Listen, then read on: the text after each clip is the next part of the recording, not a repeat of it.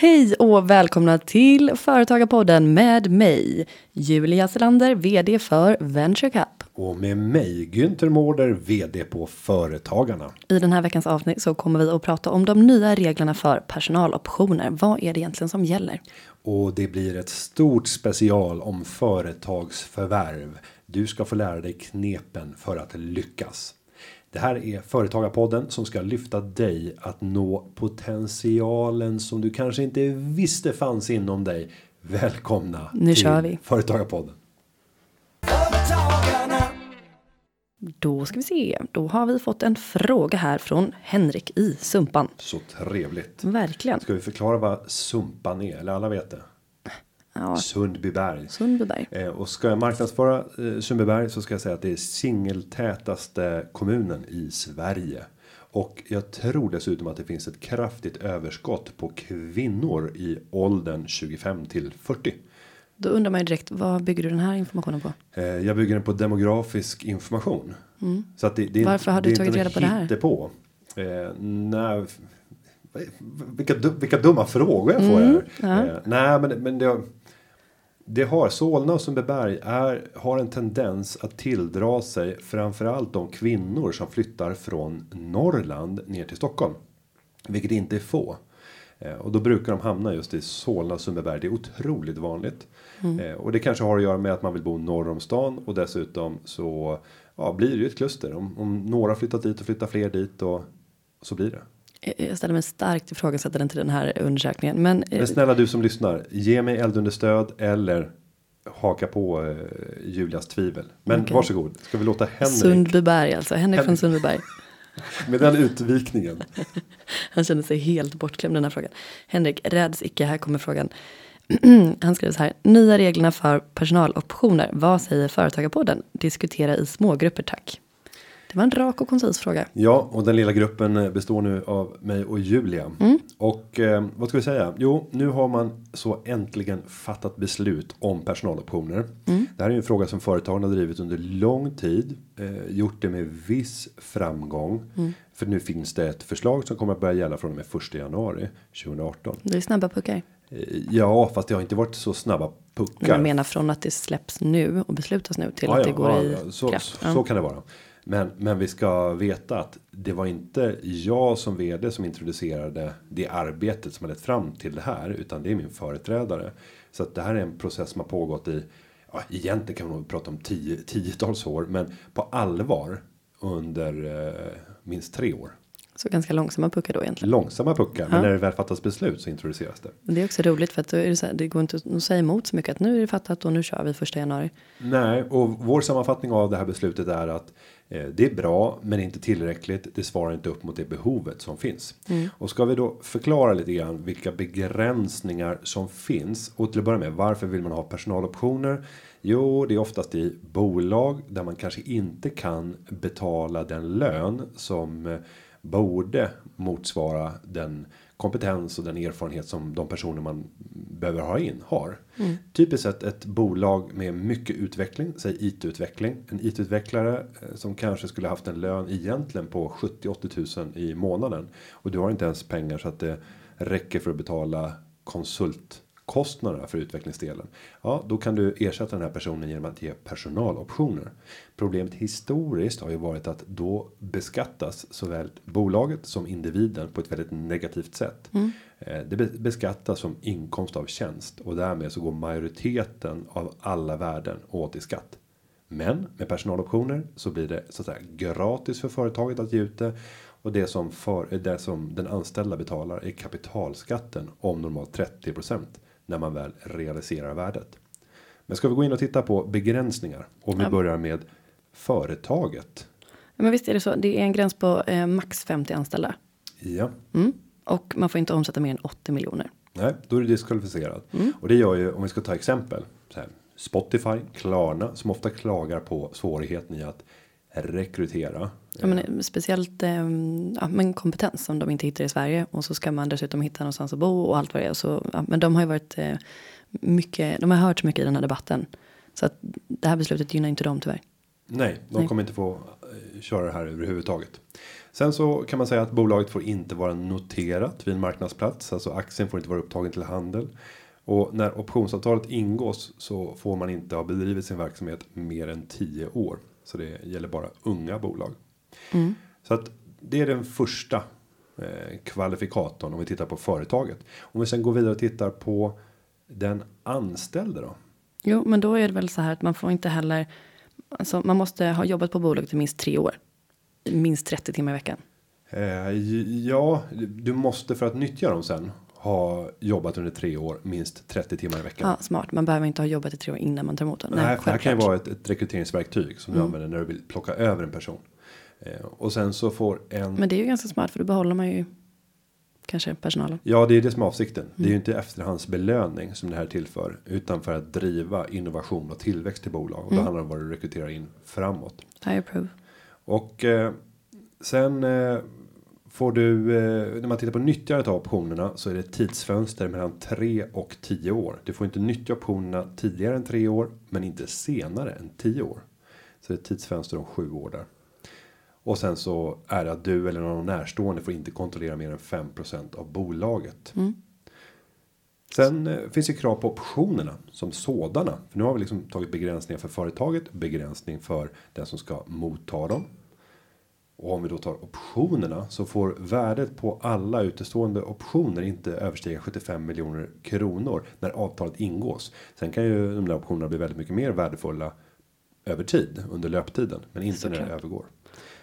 Och sen så får du inte ha eh, en enskild person får inte ta emot optioner värda mer än 3 miljoner kronor när avtalet ingås. Okej, men det finns lite olika riktlinjer och eh, eh, ja, villkor helt enkelt. Men vilka, vilka typer av bolag gynnas i de här nya reglerna? Det är små bolag. Små bolag inom eh, startup-sfären som är beroende av personer som man normalt sett inte har en suck att kunna anställa. Men där man står beredd att dela med sig av delägandet i bolaget mot att de kommer och jobbar för en. Så man kan så här, typiskt sett säga ja, men någon som utvecklar något IT-system, någon mjukvara, någon app. Eh, det är ju inte speciellt attraktivt för företag som har stora fysiska tillgångar. Om vi skulle ta eh, bolag som eh, utvecklar, projekterar och utvecklar och sen eh, äger vindkraftsparker eller vattenkraft, alltså energi. Extremt tunga balansräkningar. Eh, eller kärnkraft. Det, det är liksom inte läget om man delar med sig. Hur många sådana har ägande. vi egentligen? Nej, det, om vi tittar på just vindkraft så finns det väldigt många. Men det har att göra med att många har väldigt små vindkraftsföretag. Man organiserar ett byalag och sen så kanske det är fem stycken på orten som äger bolaget som sen äger ett vindkraftverk. Och, och för dem så är optioner då inte, inte något bra alternativ. Eh, för det innebär att man skänker bort stora värden från balansräkningen. Utan det är ju när väldigt mycket skapas i bolaget som är av immateriell karaktär. Där det är svårt att ta på det men det är uppenbart att det uppbär ett stort värde. För det finns en betalningsvilja hos omvärlden. Ja, men då har vi diskuterat det här i en liten smågrupp tycker jag, eller? Ja, det har vi gjort. Sammantaget kan man säga. Det är bra att det kommer någonting. Det är ett första steg. Det välkomnar vi. Tack Mikael Damberg för att du har drivit på i frågan. Sen som vi ska ge en liten piska ska vi säga att det här är inte good enough. Det här behöver breddas. Men när instrumentet nu väl finns på plats. Då kan vi skruva på parametrarna. Regeringen har ju även gjort en bedömning av vad kommer det här kosta i statsbudgeten. Vad kostar det då? 210 miljoner kronor i statsfinanserna. Så att det är en ohyggligt. Det kanske låter så mycket pengar. Men 210 miljoner i reformkostnad är försvinnande lite. Det, det, det, det är nästan felräkningspengar i statsbudgeten. Så, så att det, det är inte en dyr reform. Och då vill du säga, det är bra men det är inte good enough. Nej, alltså det, även om man skulle varit mer generös i kriterierna så hade det inte varit något stort, något stort problem. Och vi ska även betänka att vad utredaren när det kom till 3.12 reglerna där man ville förändra beskattningen eh, för fåmansföretagare ville det var att höja skatten med 5 miljarder kronor på landets fåmansföretagare. 5 miljarder. Nu lyckades företagen stoppa det Men ställ det mot att vi har fått då 210 miljoner i form av personaloptioner. Känns inte helt rimligt. Det är lite divisionsskillnad. Mm, absolut. Eh, men nu lyckas vi stoppa det så, så att det, det, det, finns inte på bordet. Men ändå för att bara förstå digniteten. Mm. Men vi går vidare. Günther, Ja, vi har fått in massor med olika frågor och ibland så brukar vi bunta ihop dem så att det blir ett så kallat tema. Vad har vi för tema? Nej, men, vi har fått in, bland annat har vi fått in en fråga från Amir i Västerås. Eh, och det är kort och gott, var hittar man bolag om man vill, om man vill köpa, alltså förvärva bolag? Och det kommer en hel del sådana här frågor lite då och då. Och det handlar helt enkelt om företagsköp och försäljningar. Och jag har inte så stor erfarenhet av det här, men det har ju du. Och inte minst så att vi fick reda på förra veckan att du, du har någonting på gång här kan man säga. Så jag tänkte, kan vi köra ett litet tema där jag får grilla dig på ja, men, företagsförvärv helt enkelt? Det kan du få göra. Mm. Så då undrar jag egentligen, okej, varför, varför köper man upp andras bolag? Mm, Ja, och då kan man ju ställa göra som Jesus och ställa en motfråga. Varför startar man ett bolag när man kan köpa ett? Och då skulle jag vilja lyfta den första saken här och det handlar om den här stressen som finns från samhället om att alltid driva på människor att starta nytt. När det i själva verket finns mängder av befintliga företag som man skulle kunna köpa och förädla och sen på så sätt kunna få en headstart, en riktig kickstart för att eh, få en ännu mer blomstrande verksamhet. Vi släppte en studie förra veckan som handlar just om eh, ägar och generationsskiften. Där vi tittade på hur ser mängden företag ut som drivs av företagare som är lite till åren komna. Nu behöver inte det betyda att de är till salu, men tids nog så kommer att ske ett ägarskifte. Och vår undersökning visar att eh, en sjättedel av alla företag i Sverige, eller ungefär 17% drivs av en företagare som är äldre än 65 år. Det är rimligt att anta, och det här är alltså yrkesverksamma företagare där det finns en verksamhet. Det är rimligt att tro att de här företagarna kommer inte kunna fortsätta att driva sitt, sin verksamhet. Vissa kommer göra det upp till 75-80 år. Många kommer någon gång de kommande 5-10 åren att vilja ha ett ägarskifte. Men många av dem har inte någon plan för det. Och det är där som vi har eh, den stora potentialen. Att leta efter företag som idag drivs som en företagare som av olika skäl, kanske på grund av ålder, vill ta sig vidare, gå i pension. Att då kunna gå in och förvärva det istället för att bygga nytt. Det låter rimligt. Men hur köper man en annans bolag? Vad är första steget? Eh, men, grunden är ju enkel. Det handlar om att förvärva delar eller hela aktiekapitalet. För min del så handlar det ju aldrig om att köpa hela aktiekapitalet eller ens köpa en majoritet av aktiekapitalet. För då blir jag plötsligt den liksom viktiga personen som måste leda och driva verksamheten. Om jag äger majoriteten av ett företag så måste jag antingen förlita mig på att jag har tjänstemän som går in och blir entreprenöriella i sitt ledarskap eftersom jag inte har tiden och kraften till följd av att jag är vd på företagen att engagera mig på det sättet. Eh, Så därför så föredrar jag att istället köpa minoritetsposter. Att Hur köpa många procent är det ungefär? Ja, Jag skulle aldrig köpa mer än 25% av ett bolag. Men normalt skulle jag säga 10-15% av ett företag. Mitt senaste förvärv, det gjorde jag offentligt förra veckan. Var Lundqvist Trävaru AB utanför Piteå i Öjebyn. En trävaruindustri som har digitaliserat köpprocessen. Man kan köpa komplementhus av dem. Typ garage, stall, maskinhallar, eh, attefallhus. Snart även fritidshus och fritidshus i vinkel. Man kan göra det redan idag, men snart kan man köpa vinkelhus. Verksamheten i Sverige lanserar i Norge från mars nästa år. Och det de har gjort är att det är en, en 3D-konfigurator. Konfigurator. Där du går in och i 3D-miljö bara bygger upp ditt eget hus. Först skriver du måtten på huset. Sen väljer du vilken väggtyp du ska ha. Vilken beklädnad. Takform. Vad ska du ha för takbeklädnad? Ja, du bygger upp hela ditt hus. Man kan säga att du leker Sims fast med ditt. Ja, och grejen är att det kommer ursprungligen från den tanken. Är det så? De som driver idag eh, är bland annat tredje generationen. Han är vice vd Jens. Och den externa vdn, men som närmast är intern eftersom han har jobbat i företaget sedan 2010. Men de är båda strax under 30. Eller har de fyllt, den ena kanske har fyllt 30 år. Det ante mig för att det är ju samma ålder som mig. The Sims är alltså ett eh, datorspel där man bygger. Ja, och de hade spelat dataspel under hela sin uppväxt och tänkte varför inte stjäla det här och göra det till någonting användbart inom byggindustrin. Okej, så digitalisering av eh, byggnadsbranschen helt enkelt. Ja, kundupplevelsen för att göra det enklare för kunden att, att köpa. Och hur fick du kontakt med de här? Eh, nej, men jag stöter på företag hela tiden. Jag kommer göra företagsbesök senare idag. Imorgon kommer jag göra företagsbesök. Så att någonstans mellan 3 och 10 bolag i snitt per vecka träffar jag. Jag förstår, men för de som inte är Günther Mårder som är för, eh, ja, företagarnas vd och som gör sådana här företagsbesök som kommer i kontakt med eh, potentiella uppköp. Var hittar man bolag som är till salu? Mm, om, om vi tänker digitalt så finns det en sajt som heter bolagsplatsen.se. Där finns det möjlighet att lägga upp sitt bolag eh, för att synliggöra att man eh, står beredd att sälja det. Sen så kan du även kontakta Sveriges företagsmäklares riksförbund. Så det är en sammanslutning av alla företagsmäklare i Sverige som är ja, akkrediterade och medlemmar i organisationen. Jag ska också säga att det är en branschorganisation som är en del av företagarna, så de är branschförbundsmedlemmar hos oss. Så de hjälper till och de sitter ju hela tiden med samtal i samtal med eh, företagare för att diskutera hur ska vi lägga upp ett eh, en försäljning av det här företaget.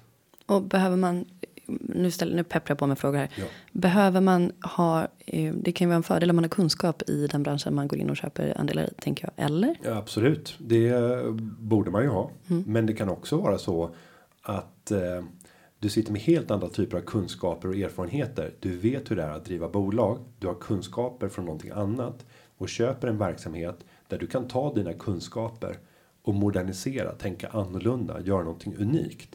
Så jag tycker inte att det är självklart att bara för att man har jobbat i en viss bransch eller drivit en viss typ av bolag att man ska fortsätta i den sektorn. Det kan bli kanske ännu mer spännande om du vågar bryta och göra någonting helt annorlunda. Men det är lite som med företagen i stort. Alltså, riskerar du mer så kan du också vinna mer. Men det kan också gå till skogen. Absolut. Men hur vet jag då, vad, vad betalar man för, för sina, ja, det, det måste ju vara skillnad från, från fall till fall. Men vad, vad hur vet man vad som är rätt pris? Och det där är knäckfrågan i alla lägen. Och jag vet inte hur många processer som jag har varit inne i. Där vi har fört samtal om eh, att jag ska köpa en del av bolaget någonstans mellan 10 och 20 procent. Eh, Men där det har fallit. Och oftast i ett ganska tidigt skede. För jag är ganska noggrann med att tidigt få en indikation om vad är det för pris vi talar om. Eh, För att bara stämma av hur är förväntansbilden från säljarna och från mig som köpare. Och, och om man inte gör det i tidigt skede så riskerar man att lägga ner väldigt mycket tid som sen visar sig vara helt värdelös tid för att man kunde inte enas kring en prisnivå. Och vad är då rätt värdering? Du kan använda olika metoder. Jag har en, en förkärlek till att blanda flera olika metoder. Den första det är att titta, finns det någon substans i företaget? Substansen det är ju om du skulle lägga ner det här företaget imorgon och sälja alla tillgångar som finns. Och du inte behöver göra det på ett forcerat vis. För låt oss säga då att ja, Lundqvist trävaror skulle lägga ner. Om man då sitter och kontrollerar en fabriksanläggning som kan tillverka komplementhus. Om vi ska sälja den imorgon så får ju vi ett skräppris för den eh, fabrikslokalen.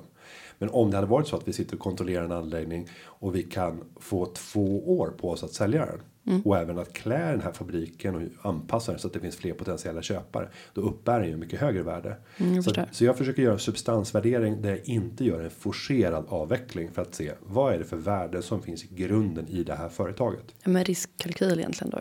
Nej, det är ingen riskkalkyl. För det blir det väl. Alltså om, om du börjar prata om att okej vad händer när det lägger ner? Det är väl ändå en, ja, Jo, men det är en frivillig nedläggning för att plocka hem pengarna. ja okej. Så att eh, du kan ju ta ett investmentbolag. Ett investmentbolag eh, köper ju andelar i andra företag. Det är också jättespännande om du tar ett noterat sånt Investor. Eh, om vi gör en substansvärdering av Investor så kommer vi finna att bolaget skulle bli mer värt om vi la ner det kortsiktigt än om vi fortsatte drev det vidare. Det är ju rätt jobbigt, alltså sett i, i Wallenbergs perspektiv. Eh, men då är det ofta så att investmentbolagen handlas till vad man kallar en substansrabatt. Och det eftersom de äger aktier i andra företag så innebär det att man värderar Investor till ett värde som är lägre än värdet på de tillgångar som finns i balansräkningen. Och förklaringen till varför det förekommer, för det låter ju helt absurt. Borde det inte vara så att det i vart fall värderas ett till ett Att varje krona. Det kan man tycka. Men, men då är utmaningen att vissa sätter den kanske en maktrabatt. På ett företag där man säger att det här Investor kommer inte att agera rationellt. Om någon kommer och bjuder eh, 30% högre pris på alla deras aktier i Atlas Copco. Så kommer inte Investor sälja. För Atlas Copco är ett kärninnehav som man kommer göra allt som går för att behålla. Och även om man fick 30% extra avkastning på ett bud här och nu så säljer man inte. En finansiell investerare hade sålt på direkten. För det finns ingenting som kan ge 30% säker avkastning från en dag till en annan. Mm. Men där har du så att säga en maktfaktor som finns med. Eh, men jag gör en substansvärdering för att se vad har vi för substans i det här företaget. Sen går jag vidare och tittar på nästa värdering och det är en värdering där försöker lista ut vad finns det för värden som kommer genereras i form av kassaflöden från det här företaget i framtiden. De kassaflödena kan ju sen delas ut till mig som aktieägare som utdelning. Mm. Och då tittar jag framåt och gör en bedömning och då har vi risker. För nu måste jag göra massa antaganden om hur kommer det här företaget utvecklas försäljningsmässigt? Vilken marginal kan man ha? Och sen vet jag att en utdelning nu är mycket mer värd än en utdelning om 10 år. För att om 10 år, om jag räknar på en sån utdelning, då har jag en alternativ avkastning för de pengarna. Jag hade kunnat investera pengarna på ett annat vis och fått en alternativ avkastning. Mm. Så då brukar jag ha en kalkylränta där jag hela tiden försöker diskontera de framtida utdelningarna till ett nuvärde. Där en, en krona utdelning idag är mycket mer värd än en krona utdelning om 10 år. Mm. Och då kan jag försöka göra ett värde för de sam det samlade värdet av alla framtida utdelningar som jag kan överblicka. Och det sätter också ett, ett värde på bolaget. Så kombinerar jag substansen med framtida kassaflöden. Då kan jag nu få fram värdet på bolaget. Mm. Sen kan jag göra en quick fix. Och det här är den snabbaste modellen och som är för lata. Och den brukar jag alltid också ha som en reality check. Och det är att göra en multipelvärdering och jag tittar på vad brukar man betala för ett bolag av den här arten med den här tillväxten med den här lönsamheten. Och hur vet du det? Jo, då får man gå ut och titta på vad betalar man i en marknadsnoterad värld. Och då kan jag titta på företag som verkar inom byggbranschen. Och så kan jag se vad brukar man betala i förhållande till årsvinsten för de bolagen. Och då kommer jag säkert komma fram till att i på marknaden så betalar man mellan 8 och 15 gånger årsvinsten för sådana bolag. Sen vet jag att i den privata världen utanför börsen så brukar det ofta vara halva priset eller lite mer än halva priset. Så att då pratar vi snarare om värderingar neråt fyra gånger årsvinsten. Och kanske till och med lägre, tre gånger årsvinsten är inte ovanligt.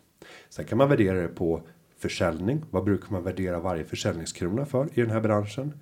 Så att genom att använda olika multiplar så kan du då titta på vad är det uppskattade priset för den här verksamheten. Det här är typiska frågor som man kan vända sig till Sveriges företagsmäklares riksförbund och fråga också. Mm. För de har ju inblicken i mängder av olika branscher. De kan säga på direkten vad man brukar värdera en redovisningsbyrå till. Och vad man får betala för den här tjänsten tänker jag. Ja, det får du göra. Mm. Sen så när det gäller just information och att bara få kunskaper Nej, då, då kan du ju köpa på timme. Alltså mm. att bara köpa en rådgivningstimme. Och jag tänker att många av de här företagsmäklarna, de vill ju ha en affär. Så att då står man beredd att ge rätt mycket kunskaper inledningsvis för att vinna dig som potentiell kund. För det stora värdet är inte att sälja en rådgivningstimme för 3000 kronor utan det är att få vara en part vid en företagstransaktion mm. och kunna ta 3% av det totala värdet. Och vad gäller vad som är vanligast, vad, anställda, vad, vad är det som följer med? Vad ingår liksom i ett företagsförvärv? Traditionellt sett. Det beror ju på vad du gör för typ av förvärv. Men låt oss säga att du förvärvar majoriteten eller kanske hela verksamheten. Ja, om du investerar och köper hela varumärket eller hela bolaget och då får du ju med varumärke, personal, allt. Allt som det står. Det enda som händer är att aktierna byter ägare. Mm. Men det finns också andra former att förvärva på. Bland annat så kan du ju köpa bara inkråmet. Det som finns för att bedriva verksamheten i företaget. Och då kommer du inte att få bolaget. Du får starta ett nytt bolag. Du flyttar över allt som finns i bolaget över till din ägo. Utom kassan och eventuella saker som man förhandlar bort. Som gamla ägaren får behålla. Mm. Eh, och det är inte en, en ovanlig eh, transaktion att man gör på det viset. Sen vi fick ju höra i en tidigare podd så hade vi ju Per Svärdson här. Det var ju en rätt rolig berättelse. Jag vet inte om folk tänkte på det, men där berättade han om Apotea.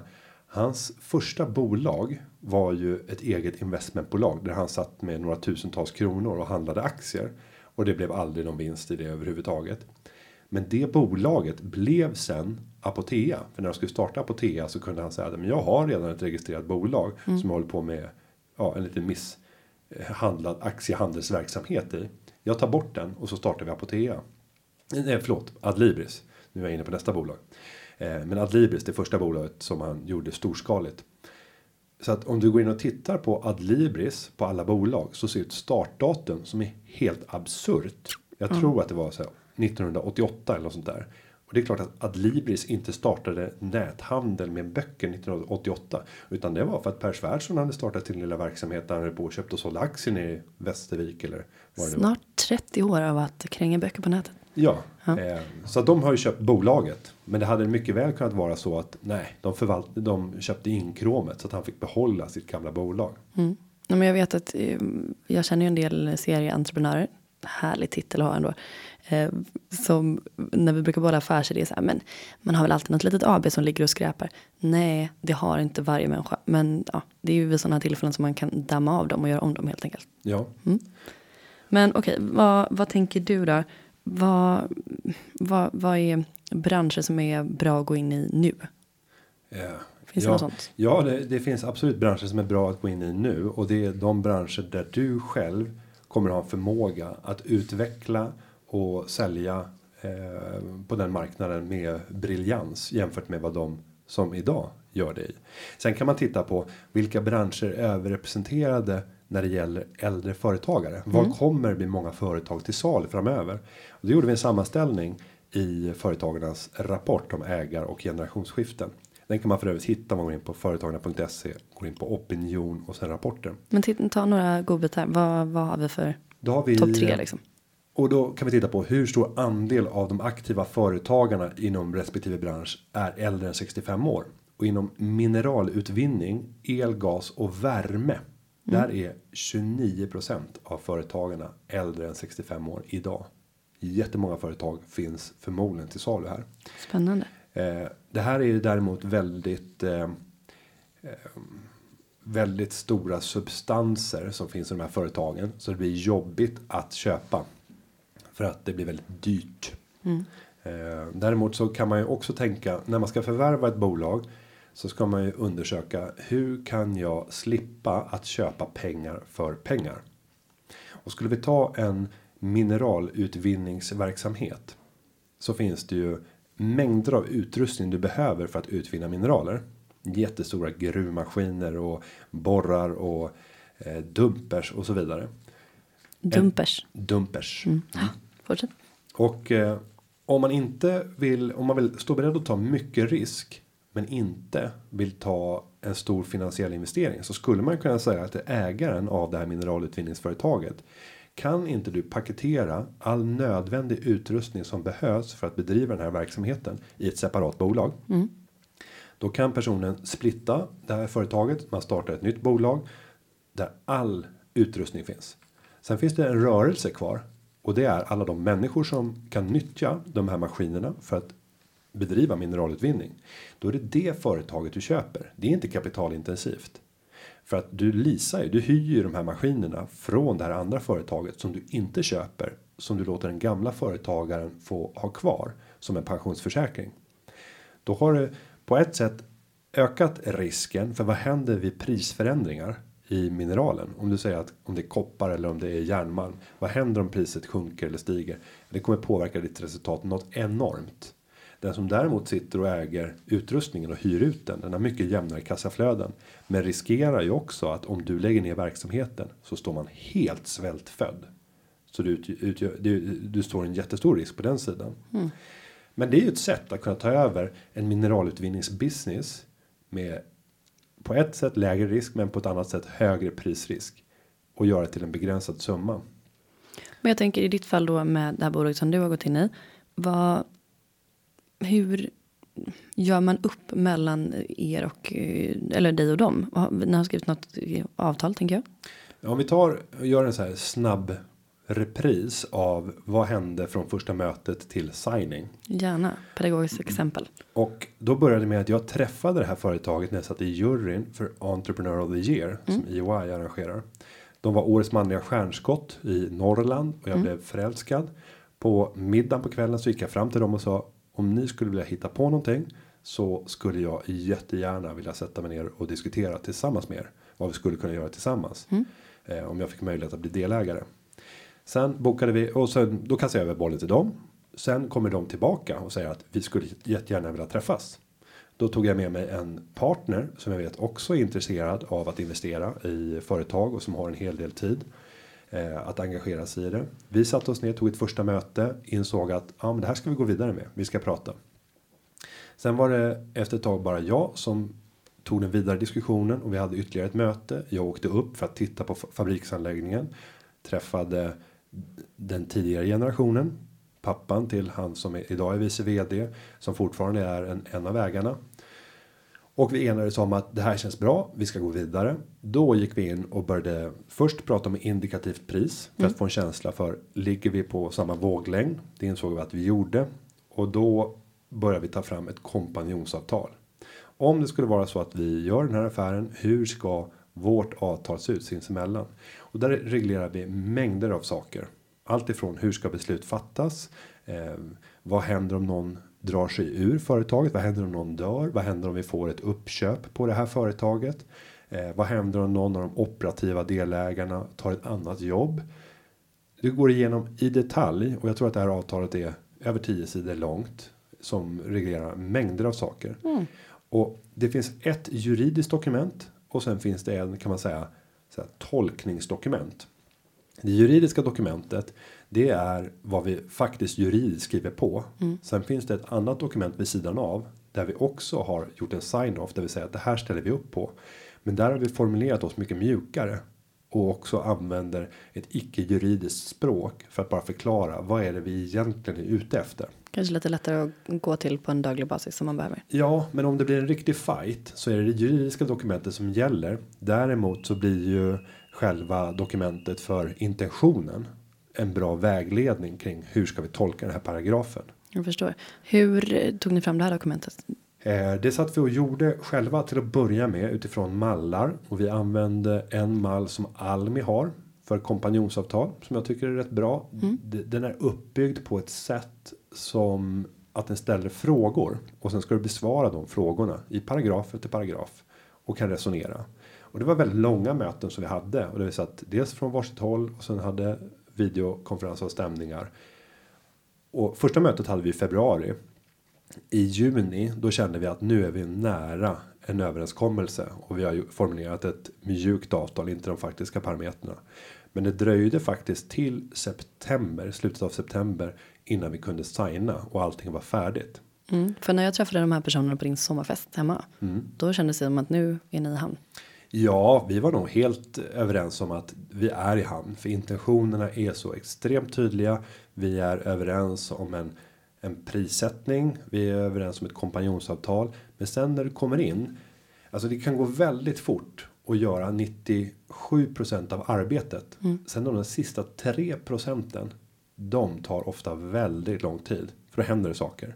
Men jag tänker också att det är väl ett tips till någon som vill göra ehm, ett företagsförvärv att det kommer ta tid. Och ehm, det blir svårt sen rent pedagogiskt och ehm, psykologiskt tänker jag om man har investerat så himla mycket tid. Alltså ponera att du då efter fyra månader av eh, alltså telefonkonferensen, ni har suttit och tagit fram det här avtalet. Sen bara nej men det, det, börjar, det känns inte bra längre. Då tänker jag att du hade kunnat dra det ur men man får betänka det också. Ja, eh, och det är viktigt att ha personer i sin närhet som kan hjälpa till och tolka saker och som har vana av det här. Eh, Och jag hade ju personer i min närhet som har en djupare erfarenhet och vana av att förvärva bolag som jag använder rätt mycket i den här processen. Återigen ett slag för mentorer. Absolut. Och jag ska säga att en viktig parameter också när man förvärvar en verksamhet. Återigen att inte köpa pengar för pengar. Det här företaget har ju varit verksamt sedan 1936 och var, är lönsamt, har vuxit varje år senaste sju åren. Och det gör ju att de hade en stor kassa. Så då tyckte jag att det är bättre att den där kassan skiftas ut, dela ut den till ägarna så att vi ökar den finansiella finansiella risken i bolaget och så tar vi ett lån i den utsträckning som behövs. Men dela ut så mycket du bara kan för att på så sätt göra ett rent bolag från pengar så att jag inte köper pengar för pengar. Och på så sätt så kunde vi öka skuldsättningen i bolaget och jag fick ett lägre pris Jag förstår. på mina aktier. Jag funderar på, eftersom att jag alltid ska göra tvärt emot som du. Ja, Så tänker jag att mitt valord ska vara köp pengar för pengar. Ja, men då är det viktigt att du får köpa pengarna till ett lägre värde än vad pengarna stipulerar i värde. Exakt. Och då har vi Investor återigen. Där får man köpa varje krona för mindre än en krona. Och det är roligt. Men då måste du få makten att kunna lägga ner bolaget också. Och det är svårare i Investor. Jag känner att jag får slipa lite på den här sloganen. Okej, men nu har vi fått en hel del info och eh, faktiskt ett konkret förslag och eh, ett, eh, så kallat räkneexempel från Günthers liv här. Spännande, gratulerar till eh, förvärvet. Tackar, tackar. Känner du att det är någonting mer du vill skicka med? För det här, nu har vi fått ganska Säkert mycket konkreta svar. Ja, säkert jättemycket. Men jag tänker så här. eh, För att inte här ska bli oändligt långt. Så fortsätt skicka in dina frågor. Både från köpperspektivet. Vad ska man tänka på? Men också för dig som vill sälja bolag. Ja, absolut. Ehm, och det kommer säkert bli en, en följetong. Där vi titt som tätt kommer tillbaka med den här typen av frågor. För det är intressant, det är viktigt och det finns stora värden som kan räddas för Sverige. Om fler företag kan komma i nya händer. Jag tänker också att det var väldigt intressant som du sa. Att man behöver faktiskt inte bara starta allting från scratch. För det är ju supersvårt. Ja, det är lättare att köpa ett bolag som har en kundlista, har en färdig produktionsprocess, anställda som gör jobb. Det finns säkert flera typer av bolag som också skulle må bra av lite digitalisering. Och absolut. eh, då kanske man tänker att ett eh, bolag som har kommit lite till åren eller i alla fall de som står bakom det skulle ja, att man ganska lätt kan gå in och, och innovera. Men med det så, så tänker jag att vi rundar av för den här veckan. Och sen ska jag säga att nästa vecka, vi uppmanade ju eh, våra lyssnare att skicka in vad är det högre syftet med din verksamhet? Och eh, vi fick faktiskt en som har hört av sig och berättat om vad eh, hon gör för att eh, lyfta tankarna om vad hon egentligen levererar. Det är ett företag som heter Cosmetink. Och det ska vi få höra nästa vecka. Oh, cliffhanger. Mm. Älskar sånt. Men hörni, eh, nu är det den här veckan, då är det första december. Ja, Ja, det finns en hel del av nya affärsmöjligheter i den här månaden. Ut väntar omkring på bara. Ja. Men ha en underbar vecka så hörs vi nästa onsdag precis som vanligt. Det gör ha det vi. fett. Och vi ska säga att podden har förberetts av Karin Nygård. Och klippningen är gjord av Linda Aunan Edvall. Vi hörs! Det gör vi. Ha det fett. Hej.